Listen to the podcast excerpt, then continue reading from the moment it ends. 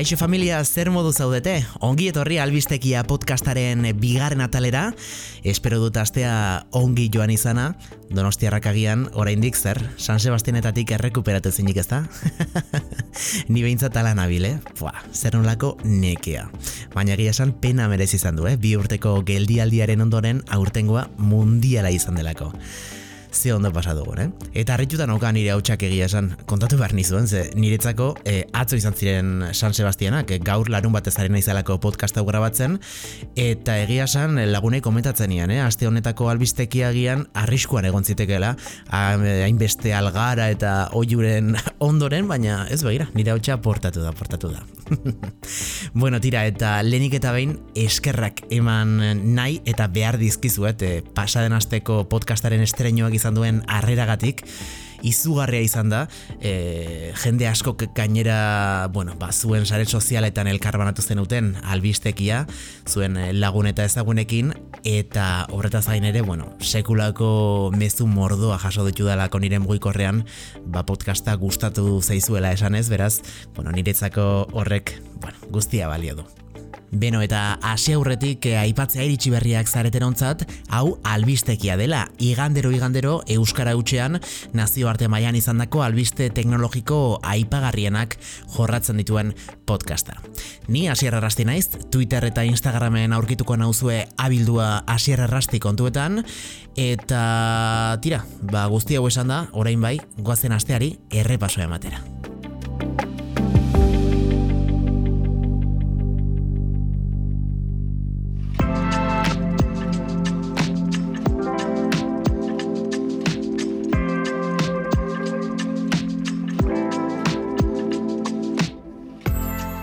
Googleek aste honetan bertan iragarri du Google Traduktor itzultzailean konexiorik gabe erabilial izango diren hogeita amairu hizkuntza berri gehitu dituela zerbitzura. Gehienak Asia, Europa eta Afrikako hizkuntza gutxituak izan dira eta tartean aurkitzen da Euskara. Honen bidez, hemendik aurrera, gure mugikorretan adibidez, traduktor aplikazioan Euskara deskargatu izango dugu, internetik ez dugun egoeretan, ba, itzulperak egiten jarraitu izateko. Baina Tira, mm, gerra nuklearrik edo zombien eraso masiborik egonezean, mesedez erabili itzuli itzultzaien neuronala, euskarak eta euskaldunok eskertuko dizugu eta.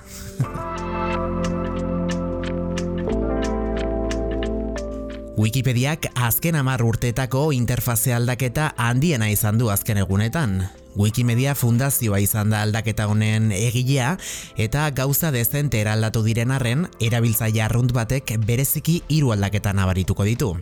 Lehenengoa agian ikusgarriena dena Wikipediaren bilatzailearen hobekuntza izan da. Orain hitz bat bilatzen dugunean enterrari eman aurretik ba zerrenda bat zabalduko zaigulako hitz horrekin erlazionatutako artikuluak eskeniaz eta gainera artikulu bakoitza, hau da, proposatzen digun artikulu bakoitza argazki nabarmenduarekin eta haren azalpentsoarekin e, dijoaz e, eskutik lotuta beraz bueno, ba, orain erresagoa izango da bilatzen ari garen kontzeptua edo hitza ba, plataforman aurkitzea bertan bueltak ibili beharrik izan gabe. Horretaz gain, orain e, artikuluaren hizkuntza aldatzea ere errezagoa izango da, botoi berri bat sortu dutelako, eta hau birkokatu egin dutelako horrialderen goiko zatian. Eta fundazioak adierazi duen moduan, goiburuan ere, naiz eta nik oraindik aldaketa hau ez dudan ikusi, ba, bertan erabiltzailerentzako erabilgarriak izango diren hainbat esteka eta tresna eskainiko dira. Esan bezala oraindik interfazearen aldaketa modu progresiboan ematen ari da, beraz e, izan pazientzia laister izango dugulako Wikipedia eraberritua.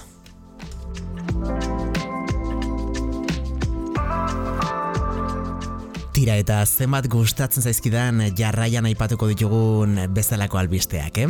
Adazen, Nafarroako garuneko lesioaren elkarteak deskubritu du fabriketan pixuak altxatzeko diseinatutako aparatu batek gaixotasun ezberdinak apairatzen dituzten erabiltzaien gorputzeko atal ezberdinak mugitzen laguntzen diela, baita kalteak jasan dituen garuna estimulatzen ere.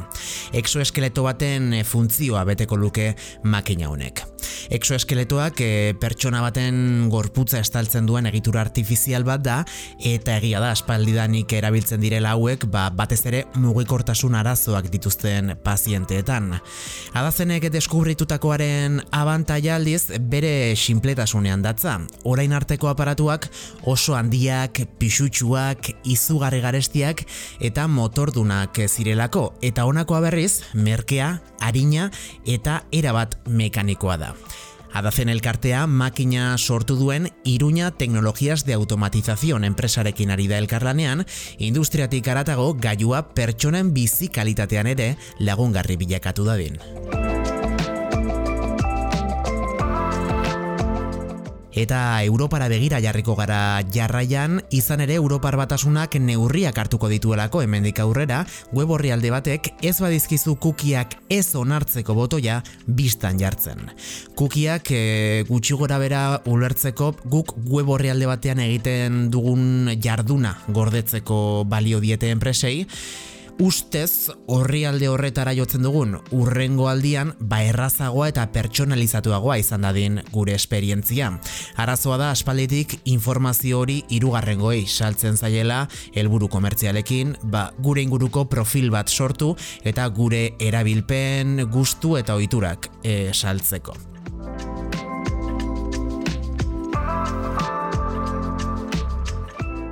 Eta aste hontan ere hitz egin beharra daukagu Elon Musketaz, baina ez Twitterrengatik, kasu honetan Teslaren arira baizik. Izan ere 2018 garren urtean Teslaren pilotu automatikoarekin autoa gidatzen ari zela errepidetik irten eta hiltzen gizonezkoaren familiak Musken enpresa salatu zuen. Epaiketa aste honetan hasi da eta sekulako iskanbila sortu dute Teslako autopilotuaren software zuzendariak egin dituen deklarazioek. Izgutxitan azalduta, esan duelako besteak beste, 2000 eta amasei garren urtean Model X ibilgailuaren promozio bideoan agertzen zen gidaritza autonomoa, erabat faltsua zela, teknologia oraindik garatu gabe zegoelako. Horretaz gain, gaineratu zuen automodelo horrek etorkizunean egin ezin izango zituen prestazioak ere saldu zitzaizkiela bezeroei, semaforoak interpretatzearen besteak beste. Eta guztia gutxi balitz konturik larriena ODD-arena da. ODDA, Operational Design Domain, pilotu automatikoa duen auto baten segurtasun kondizio esparru eta eremuak dira. Deklarazioan software arduradunak adirazi zuen naiz eta gaur egun bera izan autopilotorren zuzendaria, berak ere ez dituela ezagutzen Teslaren pilotu automatikoaren softwareak ze egoera klimatikotan den besteak beste adibidez segurua erabiltzea. Hau da, ez dituela Teslaren ODDak ezagutzen. Zer esan nahi du? Ba, bestera batera esan da, ez dakiela bere lantaldeak garatutako softwarea, hau da, gidaritza autonomoa, noiz den segurua erabiltzea eta noiz ez diren segurtasun kondizio minimoak betetzen hau aktibatzeko. Beraz, beste behin, Elon Musk arazo legaletan aurkitzen da eta kasunetan arazo legal serioetan. Naiz eta badakigun gizon multibilionarioak diru zorro atera eta ordaindu beharrekoa ordaindu ondoren erabateko impunitatea lortuko duela zoritxaraz.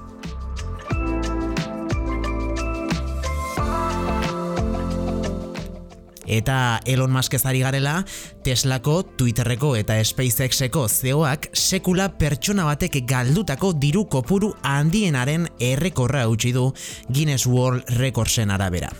Muskek berreun mila milioi dolar inguru galdu ditu 2000 eta hogeita bateko azarotikona, txostenaren arabera, neurri handi batean Teslak azken urteetan burtsan egindako gestio txarren ondorioz. Masken aberastasuna irureun eta hogeita bi mila milioi dolarretik eunda berrogeita zazpi mila milioi dolarretara igaro da bi eta hogeita batetik. Hala ere, Mask munduko bigarren pertsona aberatxera izaten jarraitzen du Bernard Arnauld, LVMH, luxuzko artikuluen taldeko zuzendari esekutiboaren atzetik.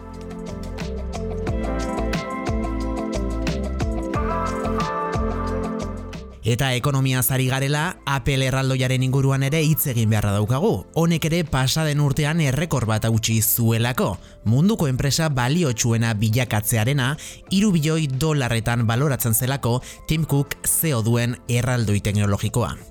Baina dena ez da urreko lorekoa izan ere urte betean zehazki bilioi bat dolarreko balioa galdu du apelek. Hortaz, gaur egun 2 bilioi dolarretan baloratzen da enpresa. Arrazoia adituen ustez, Txinak, hau da Applek bere gaiuak produzitzen dituen herrialdean, COVID-19ak eragindako ondorioak lirateke. Hala eta guztiz ere munduko lehen postuan jarraitzen du Steve Jobsen legatuak.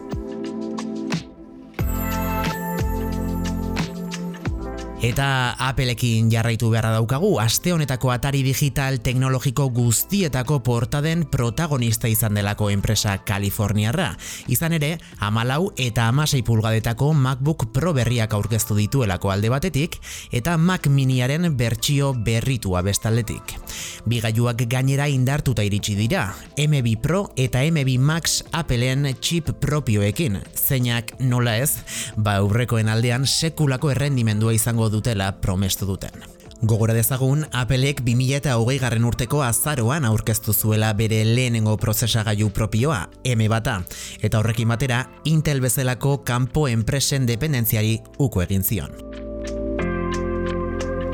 Eta podcastarekin amaitzeko duela egun batzuk filtratu zen informazio bat dakarkizuet egia esan niri etzait espekulazioekin aritzea gehiegi gustatzen, baina filtrazio hau zuzenean aipatuko dizuedan enpresako zuzendaritzatik irten da. Beraz, adi, zur eta lur geratuko zaretelako. Tinder ligatzeko aplikazio ezagunak hilean bosteun dolarreko prezioa duen arpidetza premium bat ari da prestatzen. Match taldeak ligatzeko aplikazioan itzen jabeak plan berria komentatu die akzio dunei, baina momentuz sekretupean gorde dute zerbitzu super ultra premium honek eskeniko duena. Beraz, oraindik itxaron beharko dugu jakiteko ze kristo eskeniko duten bosteun dolarren trukean, baina e, kalkuluak eginda urtebeteko arpidetzak 6.000 dolar inguru balioko luke, baina imaginatzen dut bosteun dolar ordainduta amar minututan bikotea lortuko duzula, ez Tira eta nire aldetik besterik ez. Eskerrik asko gaurkoan ere albistekia entzuteagatik, espero dute saioaz gozatu izana, eta badakizue, zombien eraso mundialik ez badela, urrengo igandean entzungo garela elkar hementxe, zure podcast plataforma gustukoenean. Txintxo ibili eta besarka derraldoi bat.